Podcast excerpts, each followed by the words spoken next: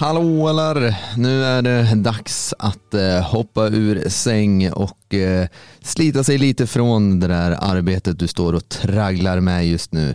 Nej, jag hoppas att du kan multitaska lite. Även om du är man och eh, lyssnar så tror jag ibland att vi klarar av att kunna göra två saker samtidigt.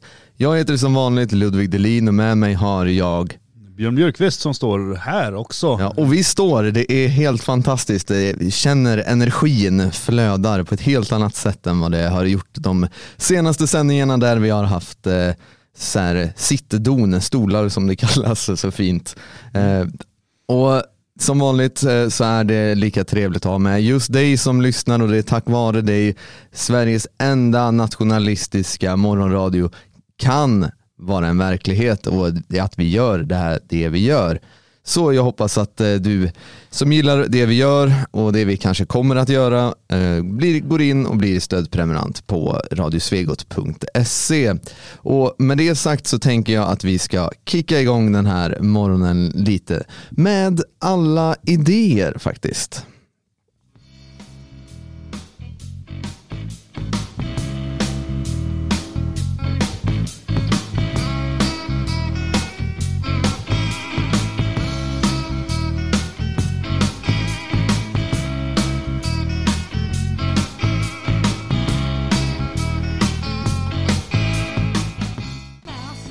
Var The Played med Lots of Ideas. Och det, är, det är väl lite så här vad vi har och jag känner så här, de sjunger att de inte kan kommunicera. Det är lite så jag känner idag Björn faktiskt. Det är, du måste det, lära dig kommunicera. Ja men det är det här som jag pratade om innan, multitaska. Jag är helt övertygad om att män är betydligt sämre på det. Jag tar mig själv som exempel. Jag, jag ser på, på liksom kvinnor som har en miljon saker eh, och bollar i luften. Och det är inga problem att ha flera bollar i luften, sådär, men man vet vad man ska göra. Det är inte det som är problemet.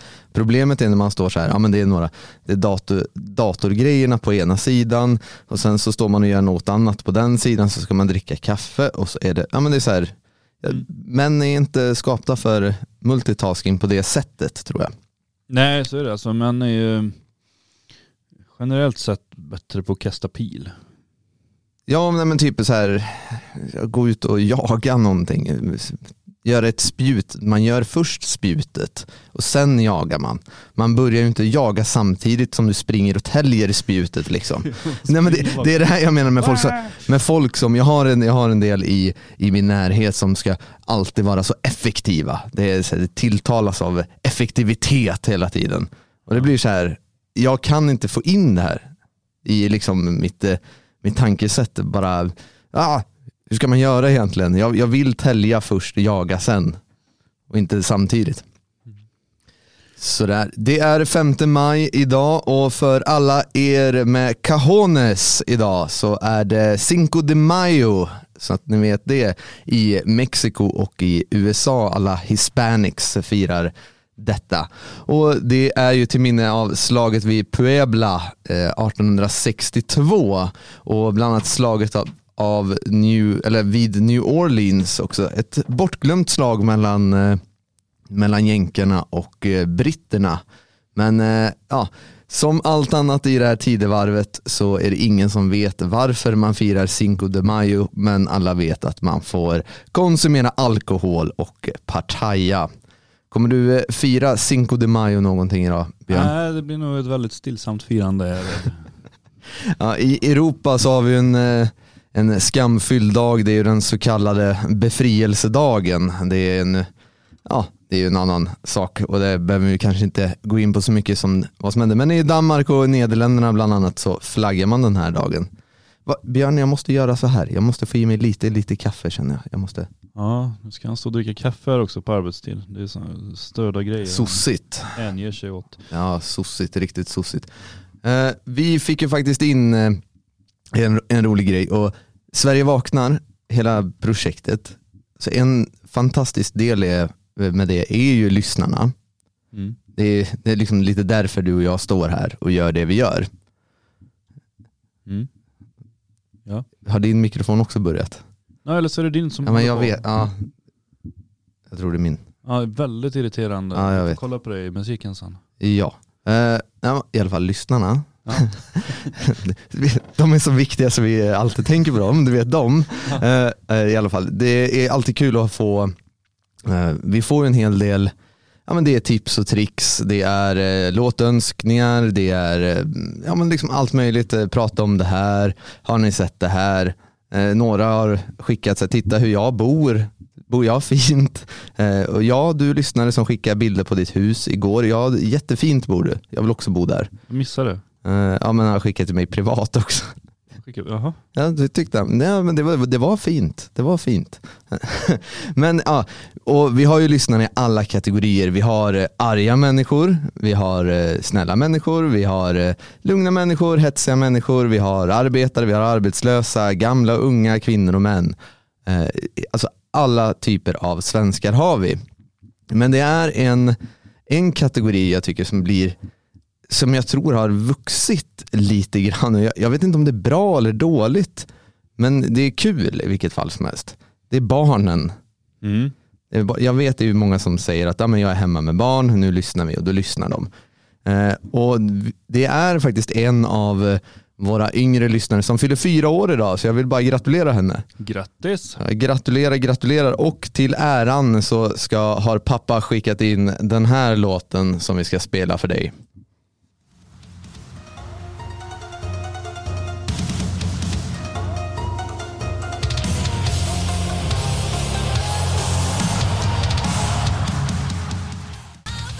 Det där var tydligen eh, någonting som jag inte ens klarar av att eh, uttala riktigt. Eh, Har du hört sånt här innan Björn? Jag är helt fascinerad över det.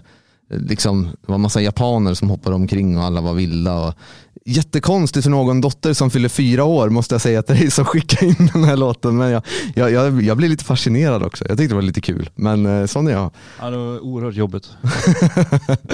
Så jag hoppas i alla fall du som lyssnar fick din vilja igenom. Det, det går om man vill och har rätt kanaler. Och vill även du vara en del av, av gänget i eh, Sverige vaknar så gå in på appen Telegram och klicka dig vidare till Radio Svegot chatt och där händer det saker helt enkelt. Det är alltid lika, lika trevligt att, ha just dig med. Och jag hoppas att vi har någon Gotthard och Erhard idag. För det är namnsdagsbarnen. Ja, det är det. Det är ganska tuffa namn får man säga. Eh, generellt är ju de här lite tyska namn, jag antar att det är tyska namn. De är ju tämligen eh, mycket hårdare än eh, till exempel, Ja, Gotthard betyder gud och hård. precis, precis. Eh, Ja, man kan ju till och med höra vad det betyder. Det är inte alltid man kan på, på namn. Så man börjar säga, ah, det betyder nog egentligen som något jätteavancerat och så betyder det precis det det står. Eh, men det är ju stenhårt. eh, är det. Eh, till skillnad från, skulle jag säga, somaliska namn som sällan är speciellt uppkäftiga. Ja, nej men det är alltså, just som du säger, alltså de tyskklingande namnen har ju en viss eh, hårdhet. Det är alltid trevligt eh, faktiskt. Eh, och det har ju hänt eh, en hel del i historien också. Det eh, är inte bara Cinco de Mayo och eh, den så kallade befrielsedagen, men det, det tåls att eh, och liksom slå fast det. Den 5 maj är ju eh, dagen då en viss stat, en kontroversiell stat kapitulerar i eh, 1945 och det är därför det är befrielsedagen. Eller om de lämnade, för det är väl lite omtvistat där exakt vilken dag kapitulationen eh, antingen skrevs under eller genomfördes. Det är det man har pratat lite om. Men det är även en, eh, en intressant dag i historien. För 1939 så är det den svenska riksdagen antar en lag som förbjuder svenska arbetsgivare att avskeda kvinnor på grund av förlovning, giftermål eller graviditet. Och kvinnor får också två veckors betald semester efter förlossning. Mm. Det här är ju en självklarhet för, för oss idag att det, det är på det viset. Men jag, jag tänker, det är inte så, det är inte ens hundra år sedan. Det här. Nej. Och det måste varit helt fantastiskt eh, när det kom. Det är som att eh, den svenska riksdagen har tittat åt något annat håll och sett, hmm, hur har andra länder gjort egentligen? Och man fann nog lite inspiration ner från kontinenten i, i det här fallet. Och det jag tycker det däremot är så roligt, jag undrar hur stort problemet var att man avskedade kvinnor, som för övrigt var betydligt färre ute i arbetslivet än vad de är idag. Men hur ofta fick man sparken på grund av en förlovning? Nej det borde ju inte varit jättevanligt. Det kan ju varit typ så här om man hade anställt en, eh, en eh, kvinna, ful kvinna. och sen, sen går hon och förlovar, förlovar sig med, med en son. Och bara nej. Skönt att det finns här. Oh, jag kan sparka henne på grund av de här anledningarna. Ja, fast eh, nej jag vet inte, det, det kan ju inte varit jättevanligt men man vet ju aldrig. Um, man kanske, det kanske fanns en rimlig förklaring som inte jag just nu kan komma på bara. Ja, nej, jag, jag vet inte. Det är väl alltid bra att det, det finns visst eh, skydd mot, eh, ja, mot eh, att arbetsgivare liksom sparkar arbetare hejvilt. Det, jag är för den, den typen av lagstiftning för att det uppenbarligen så under den här tiden så behövdes det i alla fall. Och Ja eller så tog man in det ändå. det kan man ju ha gjort. Ja men jag, jag ser, det är som du säger, jag har så väldigt svårt att säga att folk bara sprang runt och okynnessparkade folk för att de förlovade sig. Ja, men jag tycker det är roligt så här. du jobbar, ja, jag vet inte vad jobbar kvinnor med? Alltså förr i världen. Sömmerska. Ja men du är sömmerska på ett ställe, inte du men en kvinna är sömmerska på en, Här, i det här huset kanske. Ja i det här huset eller ja, de gjorde ju kläder här. Mm. För de som inte visste det, i Svenskarnas hus så gjorde man kläder förr i världen. Här på övervåningen där vi står nu. Ja. satt de och sydde. Så satt chefen. Jag ser spöken av så här, sömmerskor. Nej det är jag som brukar klä ut mig och gå runt. Jaha, ja, det, är det, det, det här förklarar väldigt mycket. Men- alltså om du sitter där och så, eh, inte vet jag vad man gör 1939, man är, är ute Det på, fanns nog inte det här huset förresten. ja, men, nu ska vi inte fastna i huset här nu. Ja, ja, men 1939, Mm. du är sömmerska och så är du, Du kan ju lägga till ett annat hus här. ja. Ja. 1939, du är sömmerska och så du sitter och syr hela dagarna och sen på helgerna så kanske du är ute och dansar i folkparken, eh, visar lite fotanklar, lite sådär som man gjorde på den tiden. Fotanklar, Ja, heter det så? Ja nej, nej, det kanske är sådana som, bank, som bankrånare kastar ut. Det, det hade varit lite roligare förresten om det var så. Vad, vad heter det? En påse med fotanklar. Jag, här. jag hade eh, följt pladask, Ja. hade jag gjort. Ja, vad heter det då? Anklarna. Ja det kanske heter anklar. Ja, ja, men, ja, så jag tror nog alla är med på vad jag menar i alla fall. Inte sådana här som bankrånare kastar ut på vägen i alla fall. Eh, det får man göra vid andra, andra tillfällen. Men, och så är man ute och dricker någon läsk liksom folkparken och så träffar man någon bondpojk och så förlovar man sig. Varför skulle man inte få vara sömmerska då? Jag, jag förstår inte.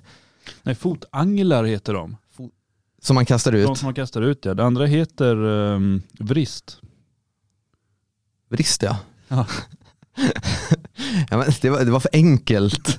Nu, nu ska vi inte vara sådana. Eller fotled kan det kallas också. Ja, de var ute och visade fotlederna i alla fall. Mr Google. Jag bojkottar ju Google av ideologiska skäl, men Ja, jag sökte på en annan sökmotor. vilken då? Snälla berätta här nu. Vilken då? Google.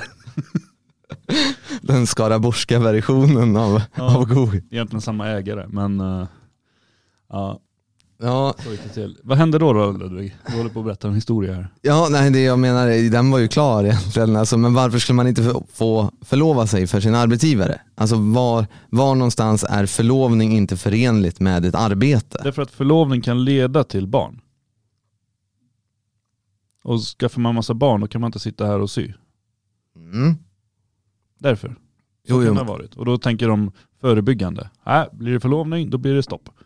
Så slipper de eh, sparka dem sen. Utan då har de ju tid på sig att eh, hitta någon annan. Så kan det vara. Det kanske har hänt. Eh, och det tycker jag är taskigt. Så att, ehm, vi är lite feminister idag, jag och Ludvig här. Så att vi eh, slår ett slag för att eh, man ska inte få sparka folk för att de förlovar sig.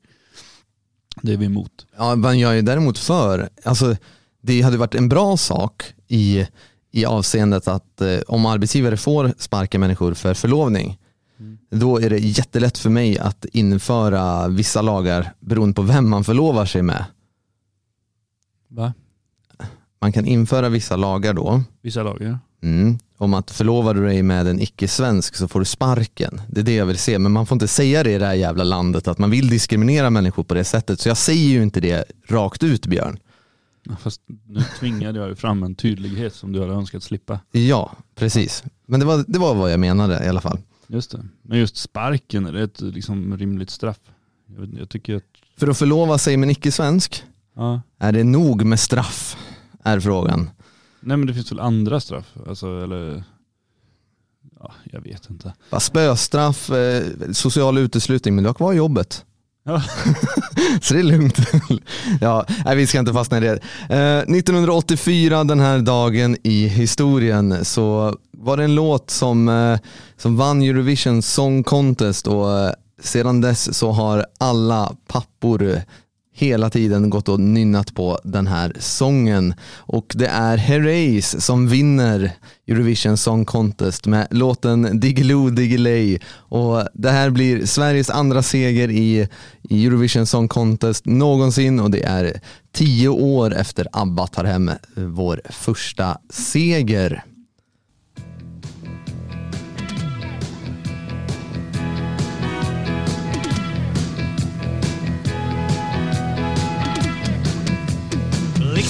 Stunder. Magiska under. Plötsligt en dag har det hänt. Åh vilken tur. Du är en lyckofigur En dag i staden. Du gick där och tänkte På esplanaden. Då såg du något som blänkte? Det kändes som jag hade vingar Ja, Gyllene skor. Det är, så här lät det 1984 när de stod där. Det här är ju hemskt. Det är ju riktigt hemskt. Jag förstår inte hur det här... eh, Alltså, varför vann den här låten? För att den var fantastisk, för att den var bäst. Vi älskade den. Vi satt i tv-sofforna och jublade. När den här, på den tiden fick man inte rösta. Ja, Utan det satt ju en jury, sköna tid utan röstning. satt ju en jury och bestämde vilka som var bäst. Och vi bara satt och höll med. Bara, Ja, det var den. Tack Sveriges Television sa vi till varandra.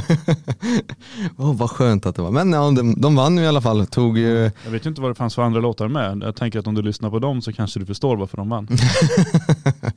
ja, det är mycket möjligt. Men jag vet inte, 80-talet eh, ja, levererade ju en hel del eh, lustigheter i, i många avseenden kan vi väl säga. Eh, I alla fall. Jag tänker att vi ska titta lite på vad som har vad som har hänt det senaste. För att du och jag, vi satt ju och diskuterade innan medlemsmötet igår. För det fria Sverige hade medlemsmöte igår klockan åtta. Eh, och tack, hjärtligt tack till alla er som, som var med på det. Det var givande och kul att berätta en, en del nyheter och en del eh, intressanta saker som sker i föreningen. Men innan det var så fastnade jag och Björn i en, en diskussion för att eh, allas våra favoritstat har ju pratat om eh, att eh, förbjuda nationalister och det har varit eh, nationalistiska organisationer eller i deras vokabulär rasistiska organisationer och organisering av rasism. Och de har ju släppt ett, vad ska man säga, ett utlåtande de har släppt nu. Nej, de har tagit emot, regeringen har tagit emot ett betänkande eh, från eh, det här gänget som man har satt ihop då bestående av eh, olika riksdagsledamöter från alla olika partier och sen har man stoppat in då för man kände väl någonstans att eh, det här räcker inte med, med politiker utan man tog in lite så kallade experter. Det var någon polis, det var Helene Löv tror jag och lite andra sådana mm. Helene Löv kan jag tänka mig att hon är nog emot det där. Känns det som.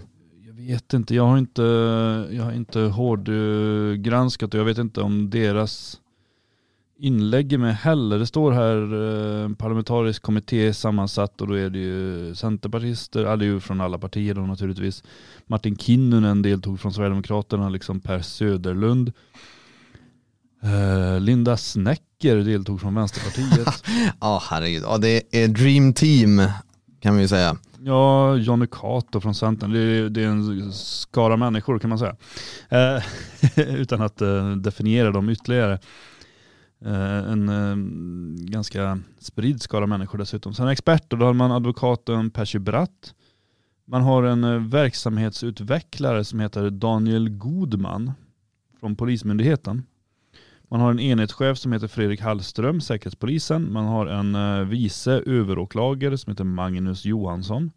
En professor som heter Anna-Lisa Lind. Docenten Helene Löv och eh, hovrättspresidenten Ylva Norling Jönsson. Eh, och dessa människor då tillsammans med de här politikerna har då suttit och, och gjort den här, eh, eh det här utlåtandet, eller betänkandet. De har suttit i ett år här nu då och, och, och fått ihop eh, 350 sidor ungefär. Mm. Mm. Och, äh, det, det är ju en del intressant i det här.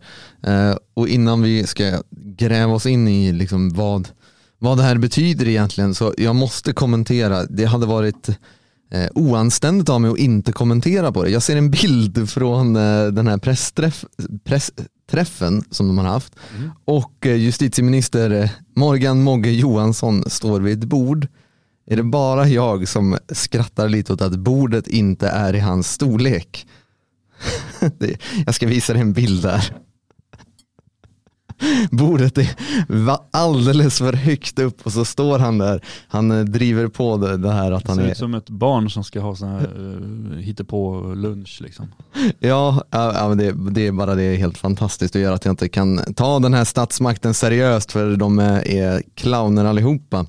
Men eh, det är ju framförallt eh, brott så som kallas för organiserad rasism och stöd åt organiserad rasism som ska införas första juli 2022. Mm. Och det här är snart. det är väldigt snart enligt det här betänkandet. Och eh, Morgan Johansson uttalade sig och eh, förklarar att de kan driva tidningar och samla in pengar och eh, att eh, rasismen av idag har blivit eh, mer organiserad och därför mer farlig. Och det är det man vill, eh, man vill sätta stopp för. Och där har man ju använt sig av en rapport från 2013 eh, i det här betänkandet och där, som bland annat pekar ut fria tider och ja, avpixlat är det ju i, i den rapporten men det är ju Samnytt och flera andra alternativa medier som rasistiska. Mm. Eh, Och det vi kan se från alternativ media här är ju att det finns en viss oro för, eh, för alltså vad som kommer ske med dem. Är det en del av så kallad organiserad rasism eller vad, vad kommer ske med den alternativa mediasfären efter om det här liksom går igenom vill säga? Ja. Nej, alltså jag, jag, jag satt och spelade in en film om det här igår på min eh, YouTube-kanal. Björn Björkqvist kan man söka efter på YouTube så hittar man den. Eh, där, eh, nu har inte jag läst rapporten, vilket jag ju också är tydlig med i filmen där, utan jag har läst pressmeddelandet. Eh, och jag kommer att återkomma ifall att sen jag har läst, rapport, eller läst eh, vad heter det, betänkandet, eh, om det är så att jag har fel. Men som det står i pressmeddelandet så ehm, eh, är det ju så att man vill inte ändra grundlagen. Utan man vill eh, använda befintliga lagar för att hitta på ett par nya lagar. Uh, och det är ju för att då det ska kunna gå fort och för att man ju eh, vill låtsas som att man inte ska hindra yttrandefriheten på något sätt. Utan man använder befintliga lagar. Och då, då finns det en, en um, lag i regeringsformen uh, som jag febrilt försöker hitta här, andra kapitlet, 24 paragrafen. Och det är alltså en befintlig lag som man tänker luta sig mot. Det är sm- smart. Ja, men i och med att det, redan är en, det är ju en befintlig lag som redan finns. Så på så sätt så finns ju redan förbudet. Mm. Det är redan eh, tillåtet att, att eh, förbjuda eh, organisation, alltså organisationer och sammankomster och allt möjligt sånt där. Om man eh, vill. Mm, ja, det står ju här också i deras pressmeddelande är ju att eh, en rasistisk organisation eh, så avses det vara en sammanslutning av personer som genom brottslighet förföljer en folkgrupp på grund av etniskt ursprung, hudfärg eller ras. Nu fanns allting. Eh, und- enbart de åsikter som kommer till uttryck i alternativa medier kan därför vara tillräckliga för ett förbud, Fria Tiders ord, om åsikterna utgör åsiktsbrott. Med andra ord eh, så är det ju om Ja, men Nå- det, där, nå- det, det där är ju deras tolkning. Alltså, mm, det står exakt så här i, i um, 24 paragrafen, andra kapitlet, uh, andra stycket så står det föreningsfriheten får begränsas endast när det gäller sammanslutningar vilkas verksamhet är av militär eller liknande natur eller liknande uh, eller innebär förföljelse av en folkgrupp på grund av etniskt ursprung, hudfärg eller annat liknande förhållande. Punkt. Det är en lag som vi redan har. Vi har det är väl kårverksamhet va? Näst, Eh, alltså, nej, och, det, det, kårverksamhet är ju en annan ehm, lag. Men ehm, det här har ju redan prövats mot motståndsrörelsen. Eh, man, man har ju efter åratal av avlyssningar så slog man till mot ett gäng bostäder eh, och, och satte alla i förhör. Man gick igenom datorer, telefoner, massa sådana saker. Och sen släpptes det och så lades allting ner och man kom fram till att det finns ingenting som liknar kårverksamhet i motståndsrörelsen. Man har försökt. Eh, och, och, och det här är ju samma sak. Det, det finns ingen militär verksamhet. Man, kommer, man kan inte komma någonstans med det här. Eh, och, och att man har eh, politiska åsikter eller att man lyfter fram eh, till exempel eh, invandrarbrottslighet. Det innebär inte att man eh, förföljer folkgrupper. Så att, eh, jag tror det, det kommer bli väldigt, väldigt svårt med nuvarande lagstiftning att använda. Det jag tror man gör det är att man skickar iväg en testraket eh, för att se om man kommer någonstans. Jag tror inte man tror på det själva. Dessutom så vill man kunna visa upp någonting. Man har valt att skriva inledningen på engelska. Så att man kan Mm. visa upp den inför eh, den stora förintelsekonferensen i Malmö i höst. Så man kan visa alla judarna, titta här vad vi gör. Vi försöker nu minsann stoppa det här. Vi Ja. försöker förbjuda människor som eh, ni inte tycker om. Så att de ska få, som Mogge liksom ska få en klapp på axeln där av eh, fler tackbrev. Simon Wiesenthal Center och, och mm, World Jewish Congress och alla de här grupperna som han så ser upp till. Bokstavligen. Ja, ja, fast, ja de kanske är på jämn nivå längdmässigt, många av dem. Men, men det är ju alltså, jag tror inte att man kommer komma direkt någonstans. Sen är ju alla oense också. Det är ju Socialdemokraterna och eh, Miljöpartiet och eh, vad är det mer? Centerpartiet är det väl. Som, eh, de vill ju ha ett förbud mot rasistiska organisationer. Moderaterna och Kristdemokraterna tycker att nej, det kan vi inte ha, utan vi ska bara förbjuda att engagera sig eller stödja rasistiska organisationer. Det är ju precis samma sak fast det bara tramsigare. Så här, det, det är så här bögarnas variant av förbud. Ja, men, och det är ju det är därför enligt den här, ja, alltså enligt det här så är det är därför det kommer fram, vad ska man säga, de vill, enligt förslaget så vill man införa två nya brott och det är ju organiserad rasism och eh, vad Moderaterna vill, stöd åt organiserad rasism. Mm. Eh, och det är också så här, det här är ju jäkligt vagt allting. Vi har ju diskuterat vid flertal tillfällen, alltså vad är egentligen rasism? Alltså eh, det är svårdefinierbart. Om du ska ha det i en juridisk mening så är det ju nästan till omöjligt. Mm. Alltså där eh, vanliga människor hävdar att det är en diskriminering på grund av ras medan andra eh, proffstyckare menar att det är om du liksom publicerar en nyhet om att eh, Alibaba och de 40 rövarna har bränt ner hela Tensta. Det, det är ju det som är en väldigt, väldigt distinktionsskillnad där, vad rasism är. Och då organiserad rasism, att bevisa att det här vaga, diffusa rasismbegreppet är organiserat. Mm. Det kommer bli svårt. Och sen hur, hur ger man stöd åt det här? Alltså, är det att Björn organiserar rasism och jag, han får 20 kronor för att, eh, inte vet jag, jag vill, jag vill köpa flygblad exempelvis. Då stödjer jag dig. Ja, men då blir det ju alltid de här eh, underliga grejerna. Alltså stödjer man, om det inte är specifikt föreningar och så man behöver, om jag skulle bara eh, börja gå på socialbidrag, då stödjer ju staten mig. Mm. Skulle man kunna ställa staten inför rätta då? Ja, jag tycker det.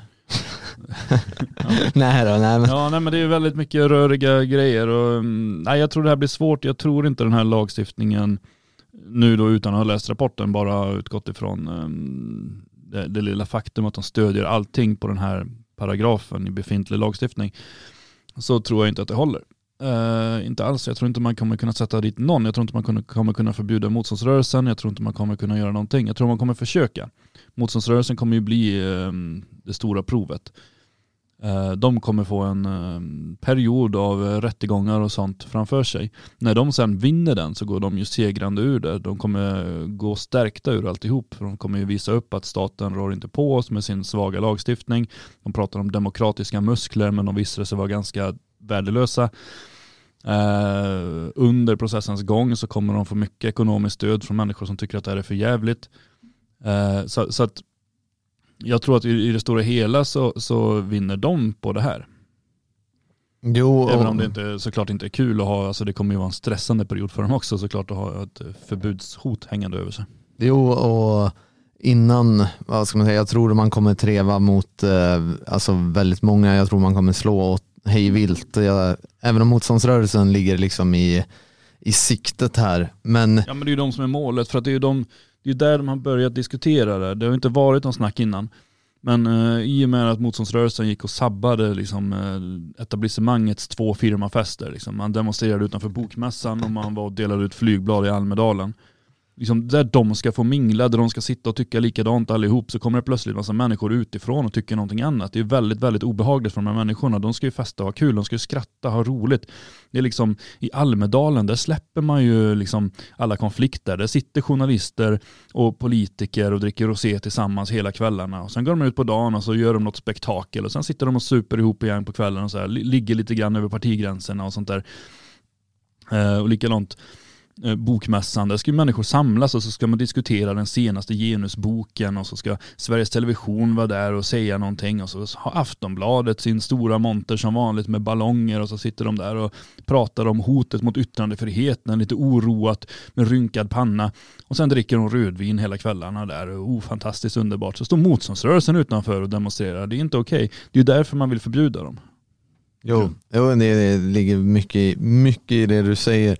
Men jag tänker också så här, är det här också ett sätt att eh, blidka, eh, vad ska man säga, den, den nya invandrade adeln som vi ser i, i förorter och har kommit högre upp i, i liksom det svenska samhället och många har blivit medelklass idag. Att invandrarna som har levt under liksom, det utmålade rasistiska hotet i svenska samhället och många småbrudar som eh, liksom bekymrar sig över rasismens framfart. Är det också ett sätt att blidka socialdemokratiska väljare här?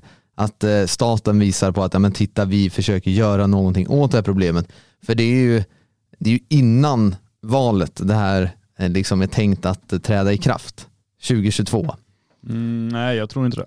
Eh, det tror jag inte alls. Utan, att, man, att man vill ha fram det här så, här så pass fort, det är nog för att man ska kunna i valrörelsen, varje gång Sverigedemokraterna säger någonting, eller Moderaterna, eller Kristdemokraterna, eller, Det är olagligt. eller Liberalerna. Ja, man ska kunna bara, och det är på grund av sånt här som vi har varit tvungna att införa den här lagstiftningen. Och ni själva röstade ju för det här. Tänk på vad ni säger. Det här är faktiskt olagligt nu för tiden. Och sen är det ju inte det för att de kommer typ ah, Sverige borde ta emot lite färre invandrare. Vi borde lägga oss på en socialdemokratisk nivå. Och så bara, ah, det där är olagligt. Tänk på att vi har skapat förbud mot det här. Eh, Det är ju där debatten kommer ligga och det är, jag tror det är därför det är så bråttom. Men ehm, ett riktigt förbud tror jag kommer dröja för att det kommer nog krävas en grundlagsändring. Jag tror att den kommer också, men, men inte just nu.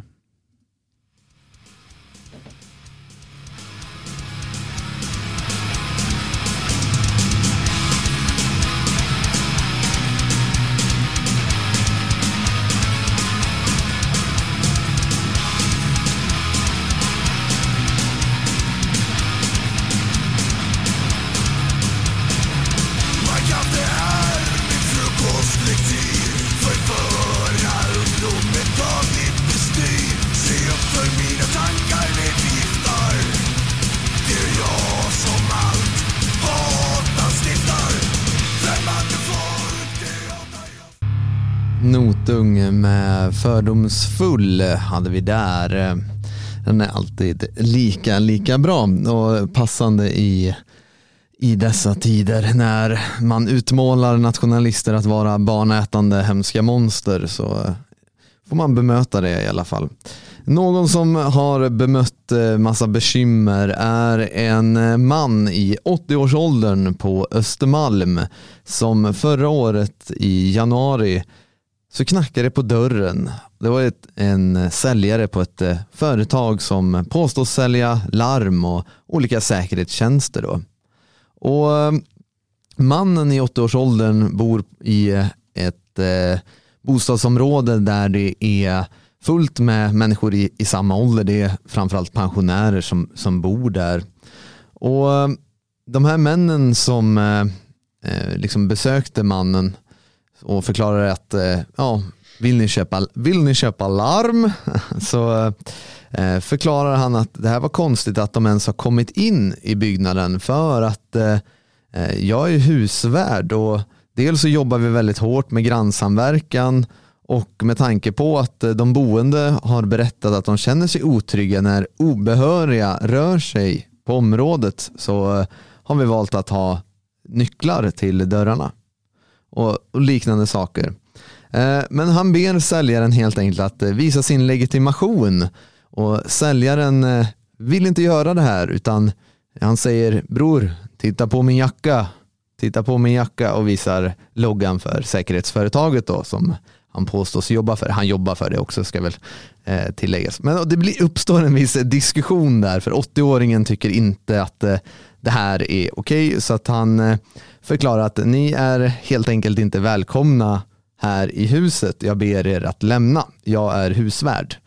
Eh, så att eh, han, han, han tog sig rätten, 80-åringen, att eh, kasta ut de här säljarna som var där. Och då ser han hur säljarna försvinner ner för trappan och husvärden, alltså 80-åringen, han, han, är ju förbannad så att han skriver ett, han har ett mejl till bostadsföreningens ordförande som det här är också underbart, att han, ordföranden svarar direkt på ett mejl. Så han sitter direkt. Det är snabb kommunikation i bostadsrättsföreningen där 80-åringar eh, har hand om. Det, där pratar vi organisering. Eh, och styrelsen för bostadsrättsföreningen har inte godkänt att det här företaget får vistas i huset. Så 80-åringen bestämmer sig då för att gå ner för trappen och kontrollera att porten inte är trasig eller att det är brytmärken och han tar med sig sin systemkamera för att kunna dokumentera det här. Mm. Och ute på gården så ser han säljarna eh, hur man kommer ut från en annan fastighet. Då. Så han ropar att eh, ja, men stanna lite och eh, ja, han vill fråga efter legitimation igen och så här, fråga lite ja, men vad heter era chefer då? Jag, jag behöver veta liksom, så det inte blir något strul. Liksom, om det blivit något missförstånd i, i hela den här historien och 80-åringen har stått och varit otrevlig helt i onödan Ehm, och då blir det ett jäkla diskussion där ute på gården. Och eh, den pensionären förklarar att han, han var upprörd och blev nästan rasande. Och man kan ju bara tänka sig hur de här säljarna eh, betedde sig. Och i det här sammanhanget, det här tjafset ute på gården, eh, det tydligen kulminerar för att pensionären skulle ha kallat en av säljarna för arab. Och Nej. Så enligt en dom som har kommit här så har han också sagt att eh, eh, säljaren var äcklig, ett as som borde sitta i fängelse och eh, jag citerar från något jävla muslimskt land har den här 80-åringen sagt. Vilket han har sagt att nej det har jag inte sagt, jag har kallat eh, honom arab. Men det fascinerande är det i den här domen så är det att Stockholms tingsrätt eh, hävdar att alla dessa yttrande, eh, inklusive då arab, är olagliga. Du får alltså inte kalla en arab för en arab, för då kan han ta illa upp. Var det en arab då? Det var ju en arab också. Det framgår av berättelsen eller? Ja. Så det inte var typ en afghan eller något? Nej, det var en arab eh, var det. Mm. Och Eh, då, vad, vad döms han för då? Ja, jag, jag kommer till detta. Eh, han, eh, de här uttalandena då som han förnekar, inte att han har sagt arab, men att han har sagt ett as som borde sitta i fängelse och från något jävla muslimskt land, eh, vilket eh, den åtalade pensionären eh, hävdar sig inte ha sagt, men Eh, tingsrätten tycker det är klara exempel på uttalanden som typiskt sett kan orsaka en kränkning på någons självkänsla eller värdighet och de är av rasistisk karaktär. Och, eh, och det är då enligt tingsrätten eh, tydligt att dessa uttalanden från den 80-åriga pensionären eh, var en, en kränkning av, av säljarens självkänsla och värdighet. Eh, och invändningen om eh, om uttalandena som pensionären gör att nej men jag har ju inte sagt det här. Eh, det, det fritar honom inte från det ansvar som har uppstått i situationen. Eh, så att pensionären döms nu till förolämpning. Påföljden blir dagsböter på sammanlagt 23 400 kronor och 5 000 kronor i skadestånd till den arabiska säljaren som var riktigt, riktigt otrevlig. Mm. Ja, eh, och han säger till media, den här pensionären, att jag har inga rasistiska tankar och har besökt över 120 olika länder utan några problem. Det har han sagt i rätten till och med. Mhm.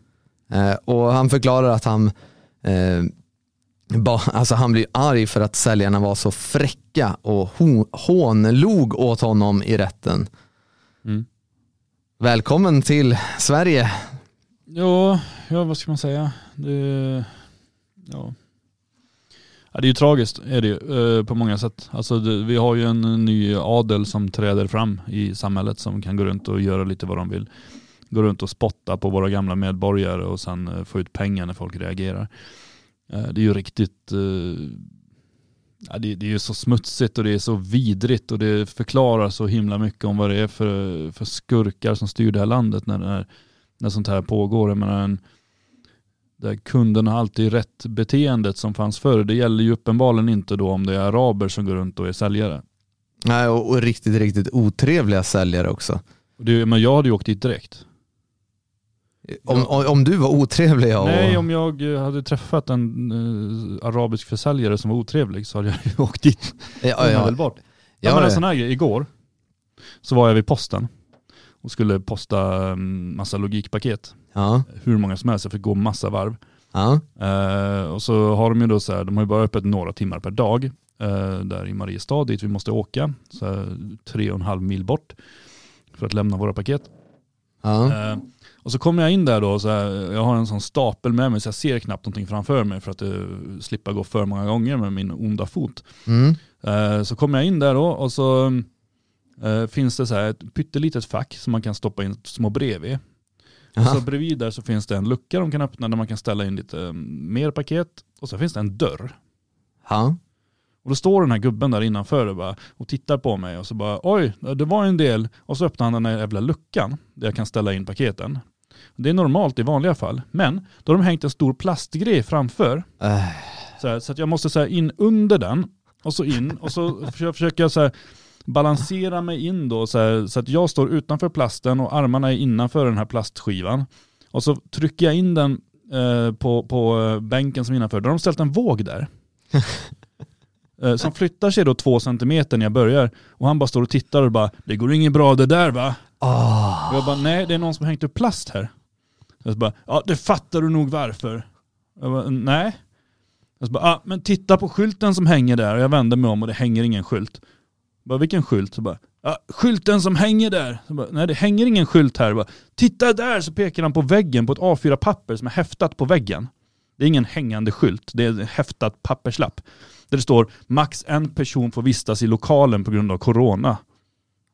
Jaha, vadå, vill han vara själv där inne eller? Nej men de har väl hängt upp den där äh, skylten bara för att de är rädda för att kunderna ska stå och spotta på dem. Ja, med den attityden så förstår jag att man är rädd för det. Eh, Ja, och jag faktiskt. f- förklarade ju för honom att, att eh, jag tyckte att han hade ett otrevligt bemötande. Gjorde jag. Eh, jag tror inte det lät så, så lugnt eh, fa- faktiskt. Sen gick jag och hämtade fler paket och sen när jag kom tillbaka då hade det gått in en annan kund. Då fick jag stå utanför och vänta innan jag kunde gå in med mina paket.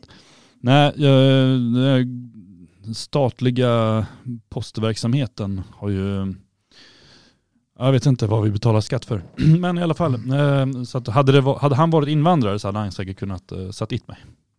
Det är nog mycket möjligt, men det där tycker jag är ett problem som har letat sig in mer och mer i alltså hela samhället. Alltså, och det är ofta, alltså nu, jag ska inte trampa lyssnare på tårna här, men det är så ofta äldre svenska gubbar så här, som ska bara titta på det man gör. Om man gör någonting någon gång. Ni som jobbar har säkert någon sån kollega där ni står och, inte vet jag, man eh, ja, gör någonting och så går det inte riktigt bra och så står någon och bara, det där går inte riktigt bra. Jag hatar dem, jag hatar dem. Alltså, vet man bara, inser du hur nära du är en sjukhusvistelse just nu när du står där? När man har, alltså, ja, jag jobbar inom byggbranschen förut och så har det uppstått eh, situationer där man så här, shit det här kan gå riktigt åt helsike och man typ ber till högre makter att kan ingen komma hit och hjälpa mig? Och så kommer någon som ska stå nedanför ställningen, äter banan eller något sånt här meningslöst och så bara, det går ingen bra det där va? Vet, nej, då, då är eh, smockan nära. Och det är därför jag kan beundra den här 80-åringen väldigt mycket, att han, eh, vad, vad ska man säga, eh, ah, alltså att han går efter och så här, är väldigt lugn. Alltså, jag tror, hade jag varit 80-åringen sitt så bara, men jag, jag är husvärd här, jag har ett ansvar för de boende. Han känner ju ett oerhört ansvar för, eh, för sin trappuppgång. Mm. Han, han, är ju liksom eh, the good guy där ser ju han sig som sannolikt. Och så kommer några liksom, arabiska otrevliga säljare som beter sig som skit. Mm. Jag är beundrad över att han så här, har, behåller förståndet och går in, nej nu ska jag mejla förening, bostadsföreningens ordförande. Jag hade, det hade ju, även om jag varit 80, jag hade ju tagit fram käppen och jagat bort dem. Mm. Och blivit dömd till mer än 23 400 kronor och 5 000 kronor i skadestånd.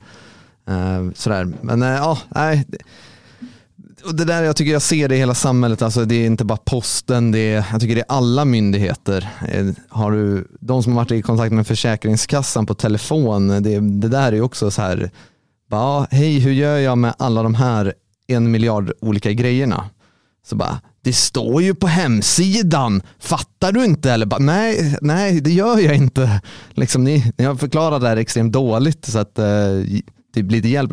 Bara så här, den här otrevligheten mm eh, överallt. Och, kan, kan inte folk bara vara lite snälla, lite trevligare, lite mer svenskare sådär. Så, så slipper jag vara arg.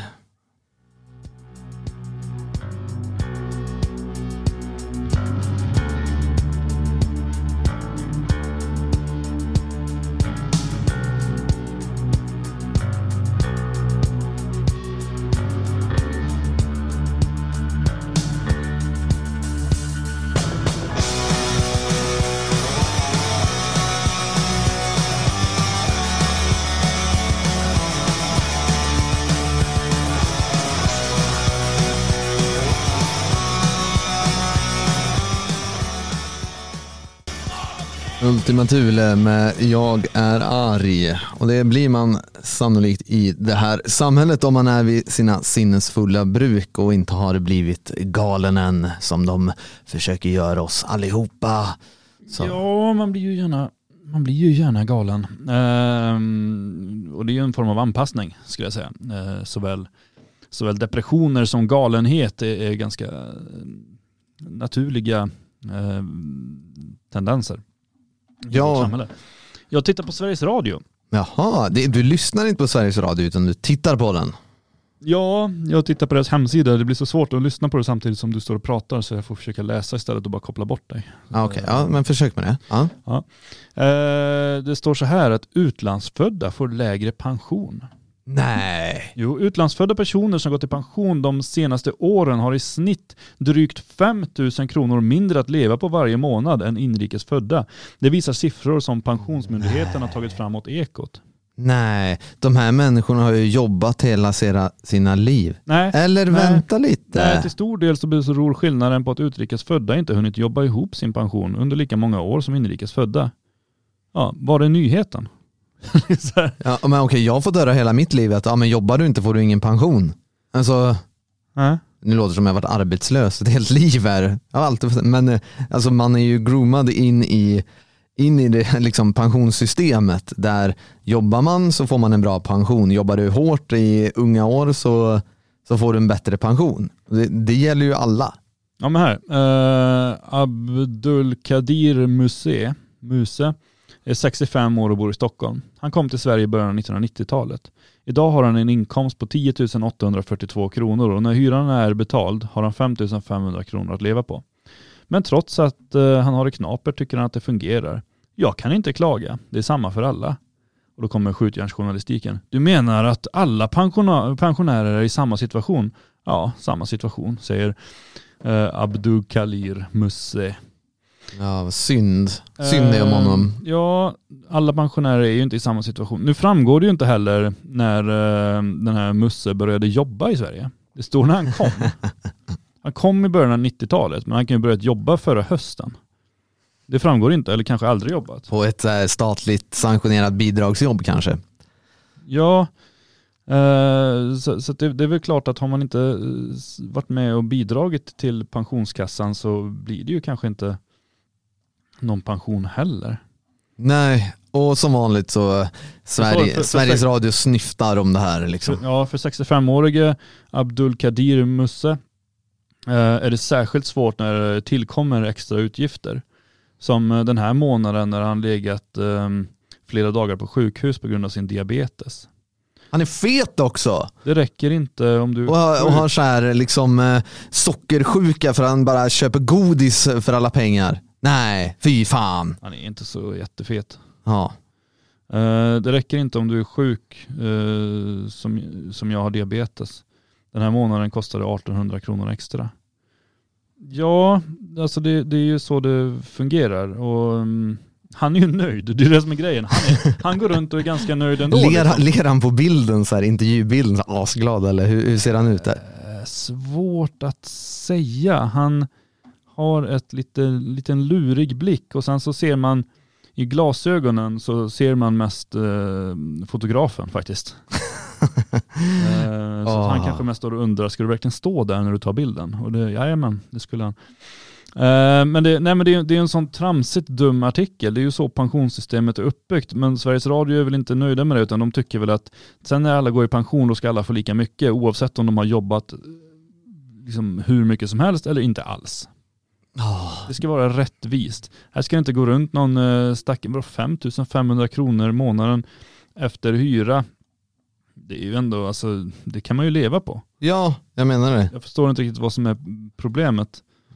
Eh, Och för att inte ha jobbat i, i det här landet särskilt mycket, alltså även om man, jag har jobbat varenda dag sedan 90-talet. Så. Här står det, eh, till stor del beror skillnaden på att utrikesfödda inte hunnit jobba ihop till sin pension under lika många år som inrikesfödda. Och i gruppen utrikesfödda som haft inkomster i Sverige i mer än 30 år är skillnaden inte heller så stor. Vad gnäller de om då? Vad gnäller de om Det är då? en sån icke-artikel. Alltså, nej, det är det här våra licenspengar går till. Ah, nej, nej och ut bara. Jag orkar inte med staten oavsett om det är Morgan Johansson eller Sveriges Radio eller vilket annat jäkla påhitt det är. Jävla snyfthistoria. Jag hoppas, eh, jag hoppas den här eh, Abdullah Musse, liksom, han borde inte ha någon pension alls och borde kastas ut och sitta på ett plan hem. Det kan han få, en jäkla flygbiljett tillbaka till öknen.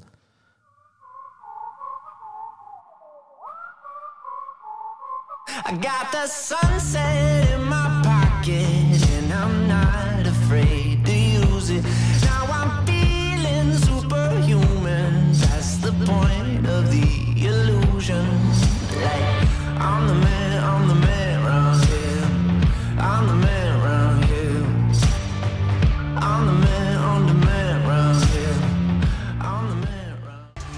Bryce Fox hade vi där med Stomp Me Out och Björn var tvungen att springa och ta ett eh, väldigt, väldigt viktigt samtal. Så jag står här själv i studion men jag har ju dig som lyssnar med mig alltid. Och det är kul att så många är aktiva i vår chatt i på Telegram, det är Radio Svegot-chatten. Eh, så det är bara att gå in och härja loss där. Det är eh, diskussioner om eh, allt från hur gubbar med keps kör bil till vad man bör göra med liksom snyftande ja, pensionärer som inte får sin pension tycker de för att man inte har varit tillräckligt länge i det här landet.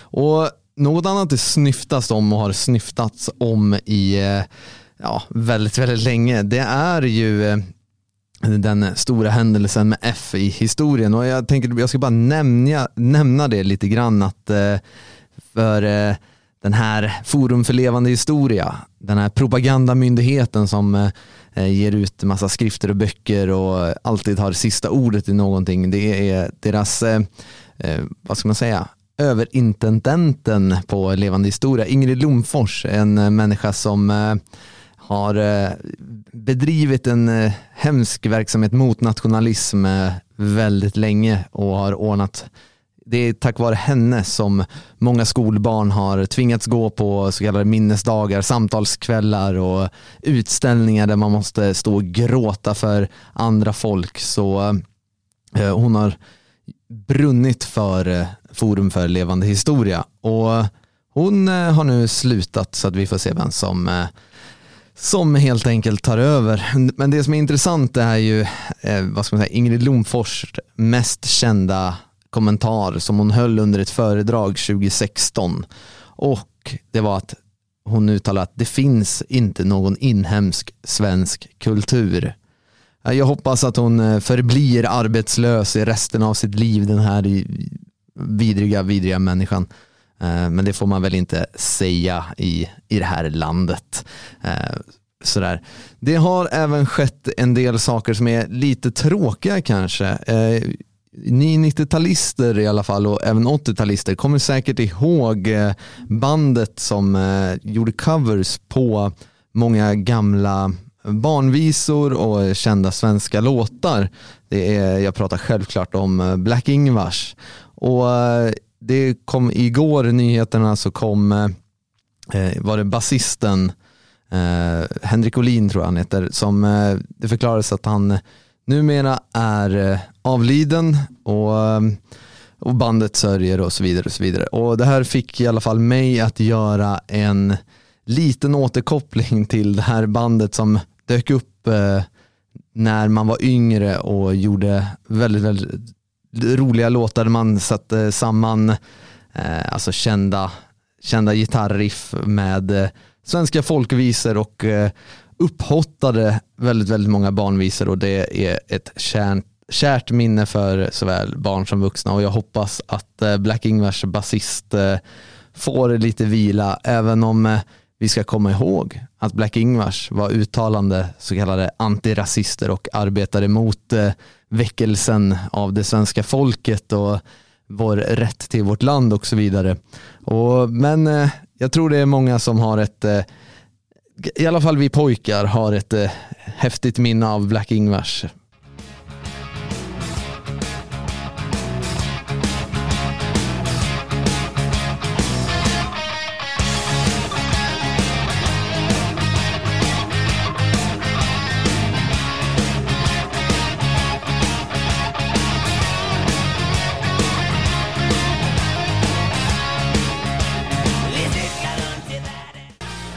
Black Ingvars med Vi cyklar runt i världen, denna fantastiska lilla låt. Och Missade jag den? välkommen tillbaka Björn. Tack, tack. Så jag hop- hoppas att allting gick bra. Det är, du kan det här med multitasking i alla fall. Jag har haft ett samtal med Postnord. Åh herregud. eh, började människor gråta och sånt där jobbigt eller? Nej, det var jättebra samtal. Eh, De har bra människor också på Postnord vill jag just nu efter detta samtal framhäva. Det var inte så att de ringde och hade hört mig och bara vad håller ni på med? Nu skärper du dig. Utan det var, Vad kul det hade varit om vi blev utsatta för sådana här, eh, för såna grejer från olika myndigheter. Ja. Eller så här, ja men vad ringer ni och säger om det här? Ja. mm. Nej det var ett bra och givande samtal. Eh, Det kommer Kostar lite mer än vad vi trodde. Men eh, det- kommer nog bli bra. Jag ska prata med de andra logikansvariga bara och sen så kommer allting vara i rullning. Ja, ja, okej, Okay.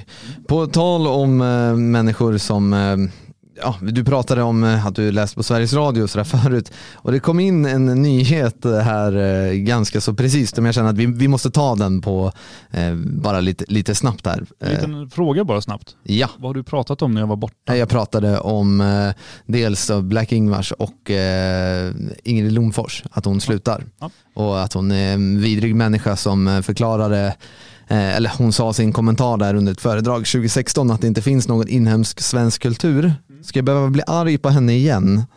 så, att, så att du får vara med. Nej nej. nej, nej. Nej, det, det jag tänkte på är, vi pratade lite om Sveriges Radio och deras snyfthistorier om den här eh, pensionärs eh, Alibaba. Eh, men nu, nu är det så här att eh, Sveriges Radio är inte de som är de.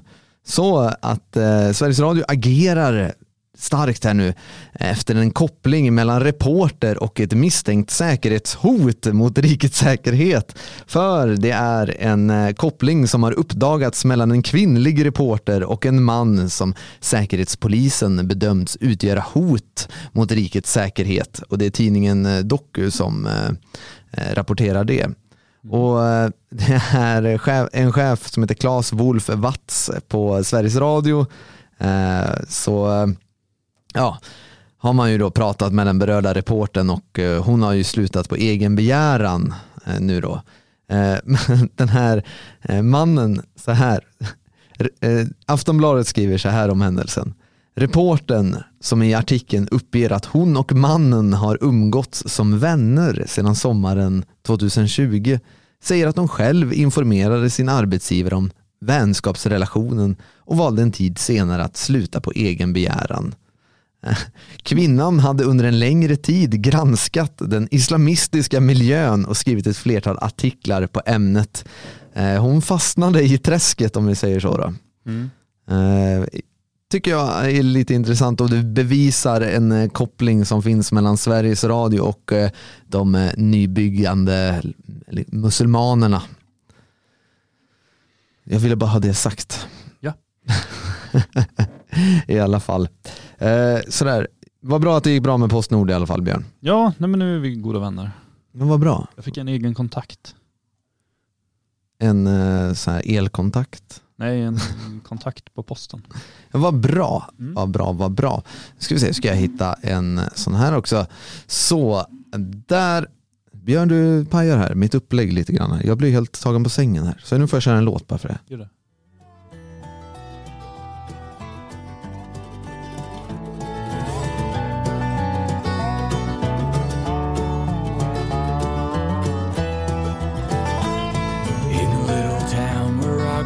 Up and my childhood came and went Was a dark-haired girl with a crooked smile with whom my days were often spent And I never gave much thanks to luck when we'd count the stars that night Heavy Horses med Crooked Smile.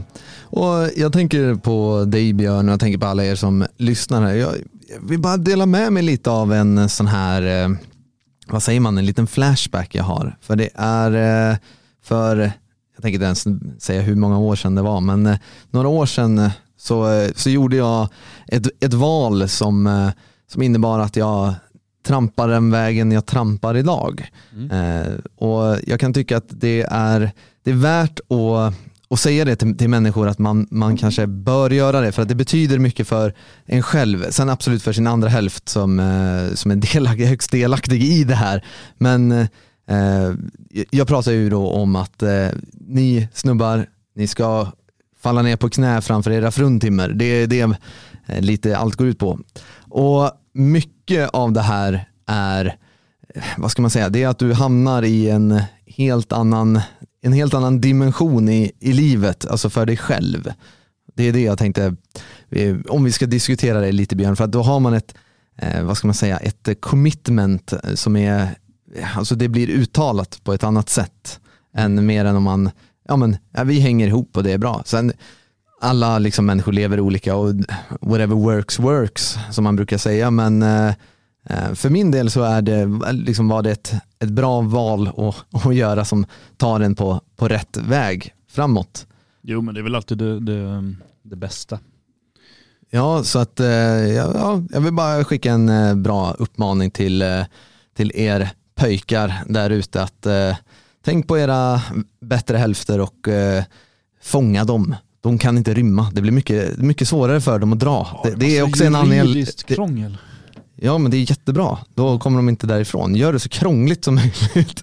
Så Ja. sli- slipper man vara själv sen en vacker dag. Det är perfekt. Nackdelen dock eh, ja okej, ja, ja. med att gifta sig, ja. det är att man måste ha kvar samma, nej det var inte det, utan eh, nackdelen med att gifta sig, det är att, ehm, att eh, staten lägger sig ju väldigt mycket i. Alltså staten har ju byggt ett system där vi betalar väldigt mycket skatt. Mm. Och sen betalar de ju ut för olika saker, till exempel mammaledighet eller föräldraledighet som det heter. Mm. Är man gift, Så är det svårare då och... måste man dela mycket mer på föräldraledigheten. Mm. Är man inte gift, då kan man skriva över allt på mamman. Ja. Om man eh, inte har delad vårdnad då. Utan Den måste man ju lämna ifrån sig också. Eh, så av strategiska skäl, om man vill att mamman ska kunna vara hemma och ta hand om barnen och man ska kunna ändå få ut de pengar man har betalat in tidigare, Mm. så är det bra att vänta med giftermål. Det, det är jävligt tragiskt att det är så här, men det är så staten har byggt upp det. Ja, men eh, man får outsmart the smart så att säga. Eh, och Det där är bra också på ett sätt som gör att man kan, ja. Sen jag tycker ju personligen liksom att förlovning och giftermål och allt sånt där, utan att vi ska fastna i, det för mycket, men eh, det behöver inte sanktioneras av staten tycker jag.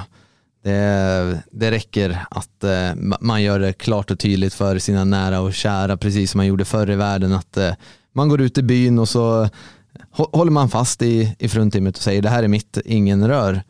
Nu är det så till, till tidens slut. Och så länge man har det klart eh, för, Vad sjukt det hade varit om det här samtalet bara utmynnade att du bara gick ner på knä och så öppnade snusdosan och så bara låg det en ring där. Och så var jag och tvungen, jag friar till dig. så var jag tvungen att krångla mig ur det här på ett snyggt sätt. utan Att du blev ledsen och stod och grät resten av sändningen. Eh, Det hade, bra radio, bra radio hade jag känt eh, direkt. Men nej, i alla fall, nej men jag blev lite så här, jag fick en sån, liksom en, en liten flashback i, idag. Det är ändå en, en, en årsdag så jag, jag känner att jag, jag får uppmana människor att eh, ta sitt eh, manliga ansvar och, och göra det. Låt inte, låt inte fruntimmerna hinna först med, med den saken.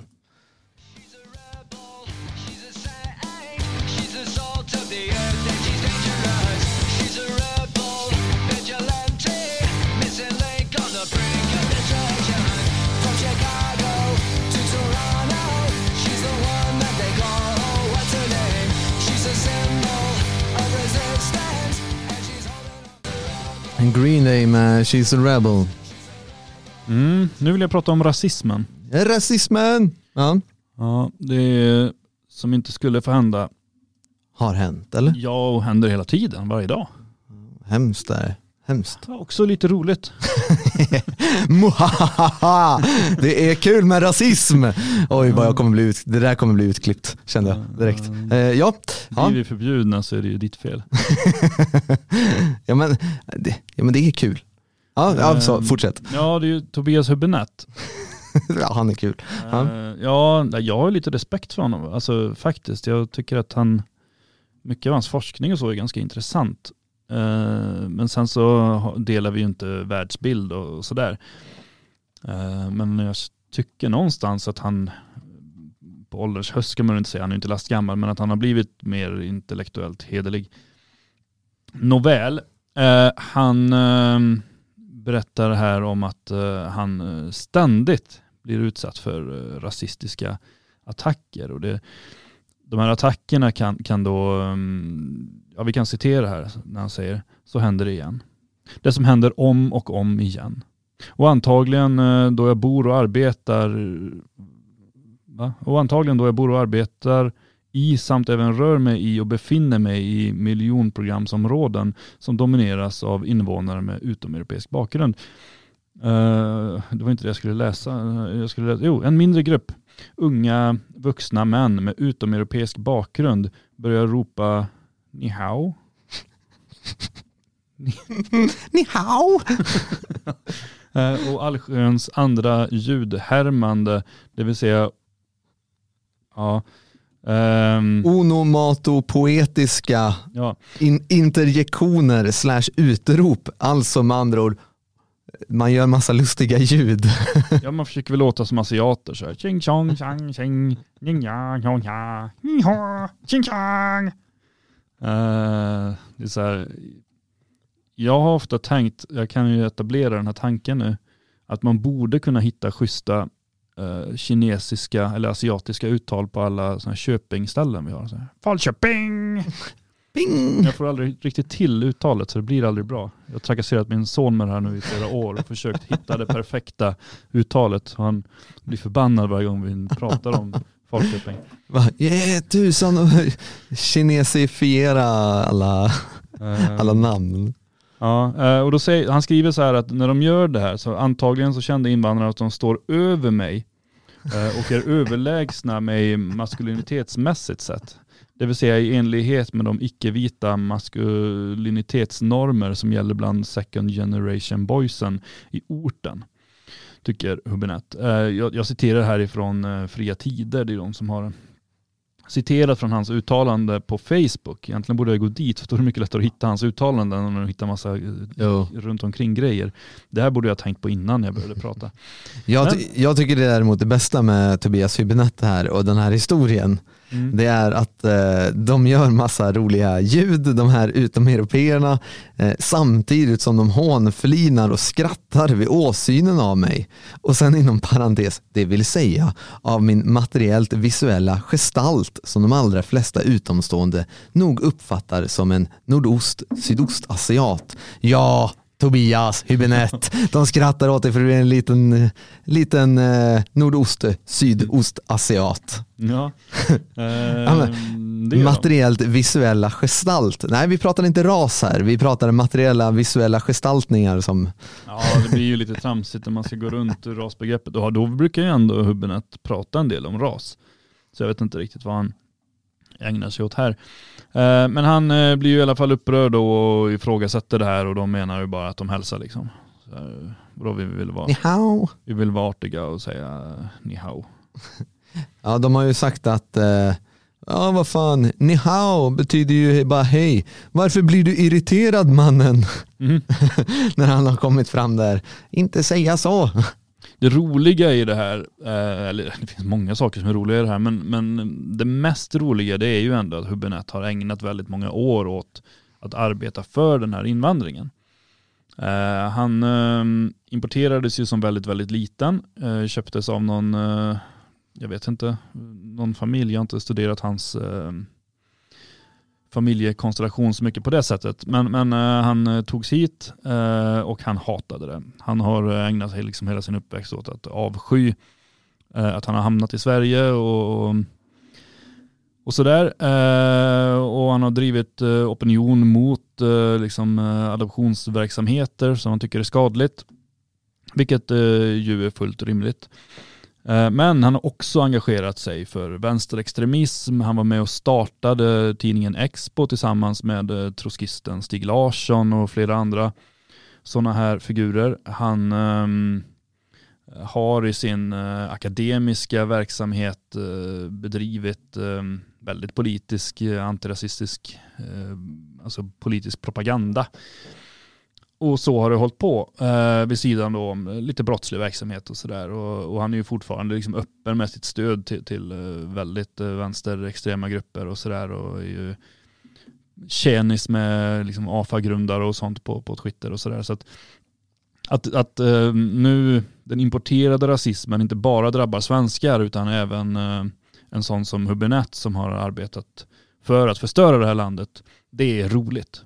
Mm, det, det är det verkligen. Och, eh, men det som är fascinerande med Tobias Hübinette tycker jag, eh, för han har ju använt sig av sitt, eh, sitt frikort. Han har ju använt sig av raskortet självt genom att, eh, alltså i, i hans mening så kritiserar han ju det vita cis-samhället Mm. eh, liksom ur ett eh, liksom icke-rasligt vitt perspektiv. Och det där är också intressant för att då kommer man till eh, vad ska man säga, till de slutsatserna att ras existerar, ras är viktigt, ras är grunden för hela diskussionen. Mm. Eh, och det är ju där man kan finna viss eh, fascination för Tobias Hübinette. Sen eh, kan jag tycka väl att han är ett, eh, alltså hans historik gör ju honom till ett jäkla as. Men eh, han är ju i alla fall mer... Han har också lyft många intressanta frågor tycker jag. Till exempel att det var ju någon rapport han gjorde ganska tidigt i sin akademiska karriär där han eh, skrev om att svenska män som skaffar sig eh, alltså asiatiska kvinnor Han gillar inte det. sannolikt egentligen är pedofiler. Alltså Ja. att de söker sig till eh, I och med att eh, asiatiska kvinnor ofta är lite mindre utvecklade kroppsligt än vad svenska kvinnor är. Eh, Ja. ganska intressant resonemang som, som jag brukar bära med mig i bakhuvudet när jag ser sådana här par. Mm, ja, men det kan nog absolut ligga någonting. Det kan ge Tobias Hübinette kanske li- lite rätt. Det, det finns någonting. Ja, men det är det jag menar, att han kan lyfta sådana frågor. Hade du och jag lyft den frågan så hade det kunnat sopas undan med eh, liksom, ja, men det är bara ren och skär rasism. Ja, Det är bara för ni anser att icke-europeer inte ska befinna sig på svensk jord eller i det svenska samhället. Mm. Däremot en sån som Tobias Hübinette eh, kritiserar ju eh, liksom den här koloniala importen av kvinnor eh, alltså ur sitt egna rasliga perspektiv. Mm. Eh, det, är- det är ju precis samma argumentation som oh, men, eh, invandrarna kommer hit och tar våra tjejer. Han säger ju bara Ni hao, de tar mina tje-" Nej, nej så låter inte Tobias men Nej, det det eh, liksom, de, kommer, de tar mina brudar. Mm. Och det ligger väl någonting i det där också. Och, Ja det gör det väl. Nej men jag tycker det är, det är intressant och jag, eh, han har ju skrivit rätt mycket på senare tid om eh, både om eh, adoptionsproblematiken och sen även då en del om eh, rasismdebatter och sånt där. Jag tänkte jag ska läsa hans böcker men jag är snål också så jag brukar vänta tills det har gått ett par år de kommer ut på rea och så. ja, eh, för de som inte vet så bor, eh, jag, jag tror inte han har flyttat men han är ju verksam på Karlstad universitet en del. Eh, Och eh, han bor i Karlstad. Jag misstänker eh, att jag vet vilket område han, han åsyftar här. eh, Som han rör sig i. Och, ja, de som springer på Tobias Hübinette kan ju alltid säga ni hao som betyder hej.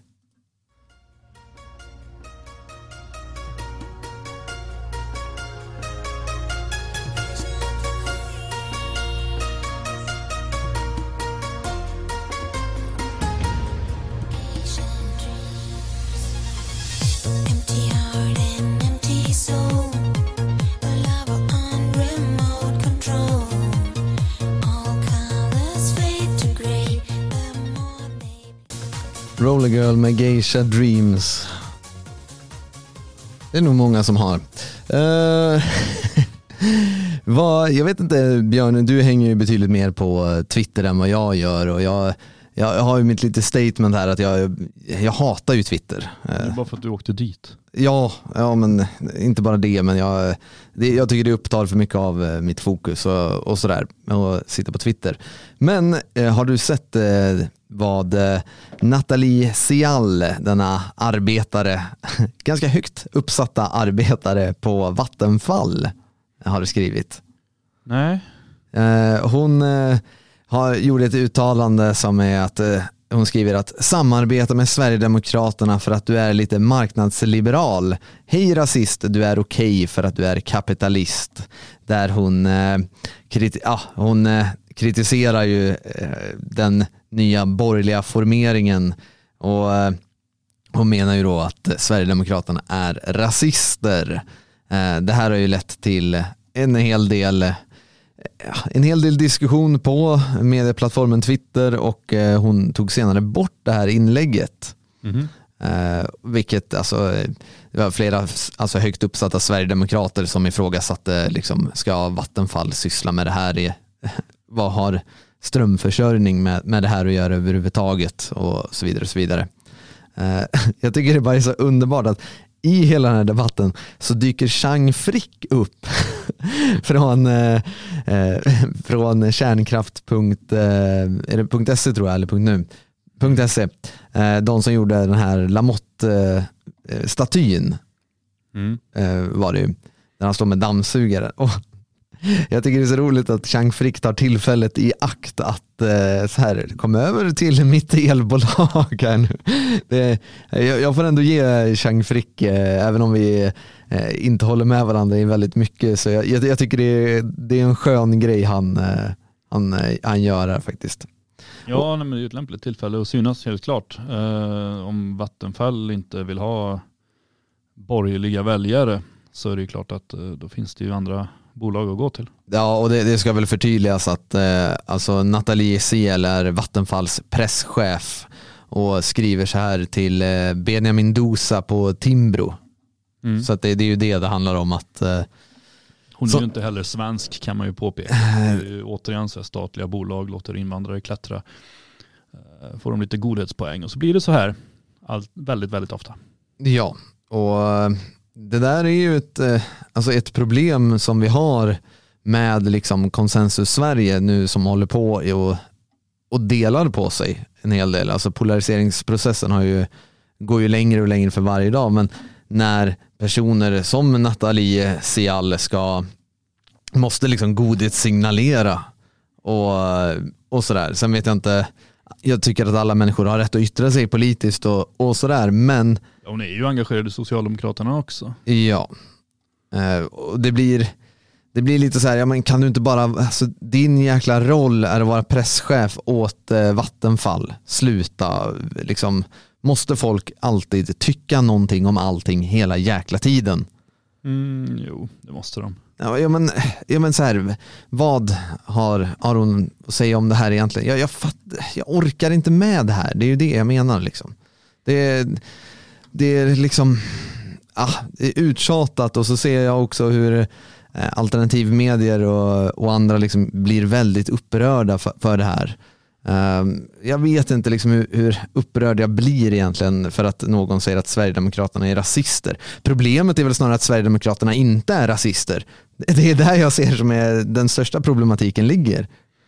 Ja, det är lite bekymmersamt. Men, men sen är ju, nej men jag vet inte, alltså det, det är ju fel människor på fel platser. Eh, Hon ska ju inte vara på Vattenfall liksom. Ja, hon ska inte vara i Sverige. Nej, inte det heller. Alltså, så att det, det är ju där någonstans det grundläggande problemet ligger. Eh, Det, det är ju inte, människor plockas ju inte in för sina kvaliteter utan av helt andra anledningar. Det här är ju, liksom, hon är väl politiskt tillsatt och hon har ju tagit sig fram genom att komma med liksom plumpa, kassa politiska uttalanden som tyder på relativ dumhet. Och då är det ganska rimligt att, att eh, då blir det så här. Ja, men det är däremot eh, intressant eh, eh, när Samhällsnytt eh, kontaktar eh, Vattenfalls presstjänst och man får kontakt med en eh, Henrik Svensson så eh, förklarar han att han inte har sett den här tweeten men ska undersöka och återkomma. Han återkommer faktiskt och eh, så meddelar han att Vattenfall inte har några problem med eh, att deras presschef uttrycker sig på det sätt hon gör. Eh, med andra ord, hon kallar ett av Sveriges största partier för rasister och eh, säger så här och jag citerar vad våra medarbetare uttrycker i sociala medier får stå för dem själva. Hur många har inte under årens lopp eh, förlorat sina arbeten på grund av hur de har uttryckt sig? Hur många har inte blivit dömda för gummilagstiftningen hets mot folkgrupp för hur de har uttryckt sig i sociala medier? Ja, det är så det är så hycklande alltihop. För hade det varit det omvända, att hon hade kanske sagt att Sverigedemokraterna är, är ett bra parti i någon form, så hade det varit mer problematiskt för Vattenfall, det slår jag vad om. Ja, onekligen. Och, och det är det här som gör, det här ständiga förbannade hyckleriet gör ju bara att man, eh, ja, fan nu, nu vill jag, jag är emot el nu, liksom. så arg blir jag över det här hyckleriet. Jag, jag vill bara lägga ner hela Vattenfall överhuvudtaget. Eller så får du gå ut och protestdammsuga som folk gjorde Oh, ja, just ja just det. Ja, just det. Nej men alltså, det är viktigt också att lyfta upp de här sakerna i, hela tiden och alltså, nämna de här gal, galningarna som uttrycker sig på det här sättet. Även om eh, liksom, det inte är någon stor grej kan jag tycka rent personligen att hon, att hon skriver så här. Men det är också bra att alla som eh, är emot, eh, vad ska man säga, den här vågen av opposition som vi alla är en del utav, alla som motsätter sig ska helt enkelt, eh, man, man ska hacka på dem. Det är, så, det är så vi kommer framåt en hel del och det är, eh, ja, vi ska helt enkelt inte ge oss i, i den frågan.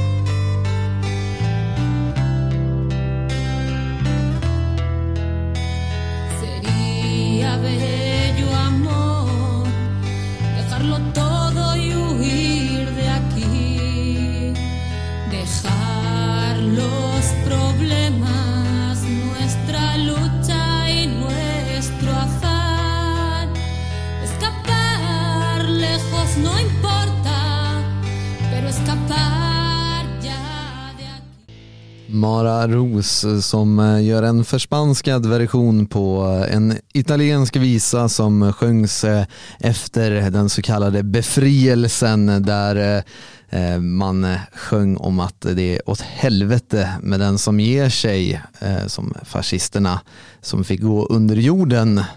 Så att nu har ni lärt er det.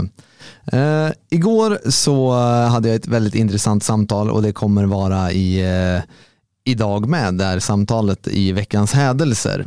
Mm. Eh, det jag pratar med eh, en, eh, en vän till mig, Andreas, som släppte storstadens pulserande liv och trafikstockningar för naturen och gav sig ut till okända vidder. Och jag pratar inte om att han flyttade till Södertälje nu, utan han han flyttade långt, långt bort och eh, jag tror hans närmsta granne är nog massa djur i skogen. Eh, och det är timtals bort till eh, bebyggelsen. Eh, och det är alltid lika intressant att ha, ha människor som väljer att gå en annan väg i livet för att eh, Andreas, eh, han, berättar i, i veckans hädelser här hur, hur han tänkte för det var, det var vissa saker som fick honom att säga upp sig från jobbet och släppa allting i storstaden och packa bilen och åka därifrån. Mm. Eh, Så att är ni intresserade av att höra den historien så eh, lyssna klockan 20.00 här på Radio Svegot så är det veckans hädelser ikväll. Så eh, hoppas jag att du är med där. Eh, igår var det ju även medlemsmöte för Det fria Sverige.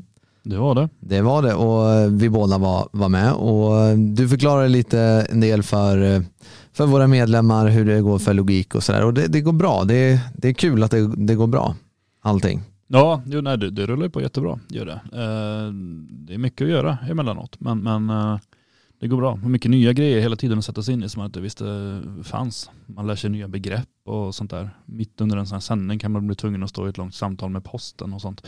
Ja, nej, Eh, typ, typiskt posten. Sådana saker. Jag avslöjade ju också en eh, bok som vi ska släppa. Mm. Så det är därför man ska vara medlem i det fria Sverige och hänga på medlemskvällarna. Då får man, eh, får man ju reda på saker. Ja, ja, precis. Man får ju veta så småningom vilken bok det är. Vi kommer ju inte hålla den hemlig efter har släppt den. den kommer ju marknadsföras. Men eh, de fick veta först. Ja, ehm, sen jag vet att du kanske inte är jätte, jätteintresserad av, eh, av sportboll. Det som kallas för fotboll. Eh, inte jätteintresserad. Jag vet att eh, han Henke Larsson, han hade ju sådana rastaflätor så han rakade han bort dem. Ja, och nu, det var länge sedan. Nu spelar han son istället. Eh, Eh, men eh, i alla fall, ikväll så är det ju semifinalmatch i Champions League eh, klockan 21 svensk tid och det är mellan Real Madrid och Chelsea. Det är inte min mening att prata så jättemycket fotboll men jag, blir lite så här, det, är två lag jag gillar. Jag vet inte vad jag ska hålla på. Hur, väljer jag det här? Chatten, snälla hjälp mig. Ska jag hålla på Real eller på Chelsea i, ikväll? Så ska vi se hur det går. Jag har båda lagen ganska nära, nära hjärtat. Och om det hjälper dig Björn här så eh, kan vi bara ge en liten sån här Chelsea har ju haft eh, nära band till, eh, eh, till vissa saker som är intressanta eh, med Chelsea Headhunters och Combat 18 och sådana saker i, eh, i deras liksom supporterkultur. Eh, där eh, Headhunters hade ju Totenkopfen som eh, symbol och man har det väl fortfarande. Då. Eh, Real Madrid eh, är ju Francos gamla lag. Ja. Så att, eh, ja, den är svår. Den är svår av, av rent sådana skäl. Sen finns det ju självklart eh, en del andra skäl. Men eh, jag ska hålla lite koll på den matchen. Och det här innebär ju att man möter Manchester City i Champions League-finalen. Så att, betyder det naturligtvis det? vad sa du nu? Du sa att det betyder naturligtvis att man möter och så sa Ja, Manchester City är ju redan klar för Champions League-final.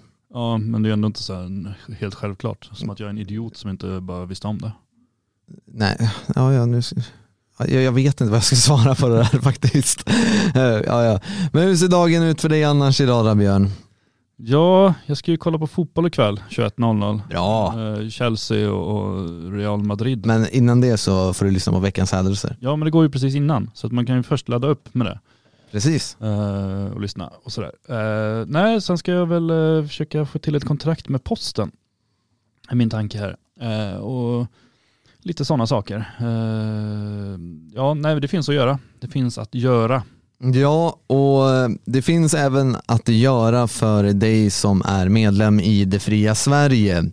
Det är så att midsommar kommer ju Eh, vårt midsommarevenemang kommer ju bli av. Det kommer dock bli för medlemmar i Det fria Sverige och har du inte anmält dig än så gå in på friasvenska.se och anmäl dig där så kommer vi att träffas på midsommar vilket kommer bli riktigt, riktigt trevligt faktiskt. Och jag ber er alla andra också som är medlemmar i Det fria Sverige hålla lite koll på fria svenskar. Det kommer komma ut rätt eh, bigga grejer som Kristoffer Dullny hade sagt och eh, ja, en hel del andra saker också. Det, det sker mycket i föreningen nu och det är riktigt trevligt att se hur, hur det faktiskt sker så mycket som det sker. Det är, det är beundransvärt och beundransvärda medlemmar som roddar i det där. Oavsett om staten pratar om eh, förbud mot eh, organisationer hit och dit så bryr sig folk helt enkelt inte. Så eh, det, det är skönt att se hur eh, trots statens påtryckningar, eh, även om det inte är så mycket påtryckningar fysiskt just nu så eh, skrämmer det ingen utan snarare sporrar människor till att eh, engagera sig. Då Mm. slänger vi på den. Ja, det gör vi. Jag vet, jag vet att du är helt stressad där just nu och vill bara, bara Det är bara så här tusen tankar i huvudet samtidigt just nu. Jag tror nästan jag missar matchen imorgon. Vi får, eller ikväll. Vi får prata om den imorgon. Ja, Eller att vi får sammanfatta. jag, kom, jag kommer nog bara läsa hur det gick. Berätta om de snyggaste målen. Och de, Nej, nej, nej. Jag misstänker att det finns an- Segergester tycker jag är intressanta. Det kan vi prata om. Ja, det är alltid trevligt på, eh, på den här dagen. Eh, I alla fall, det var trevligt att du som lyssnar var med i, i idag. eh, idag med.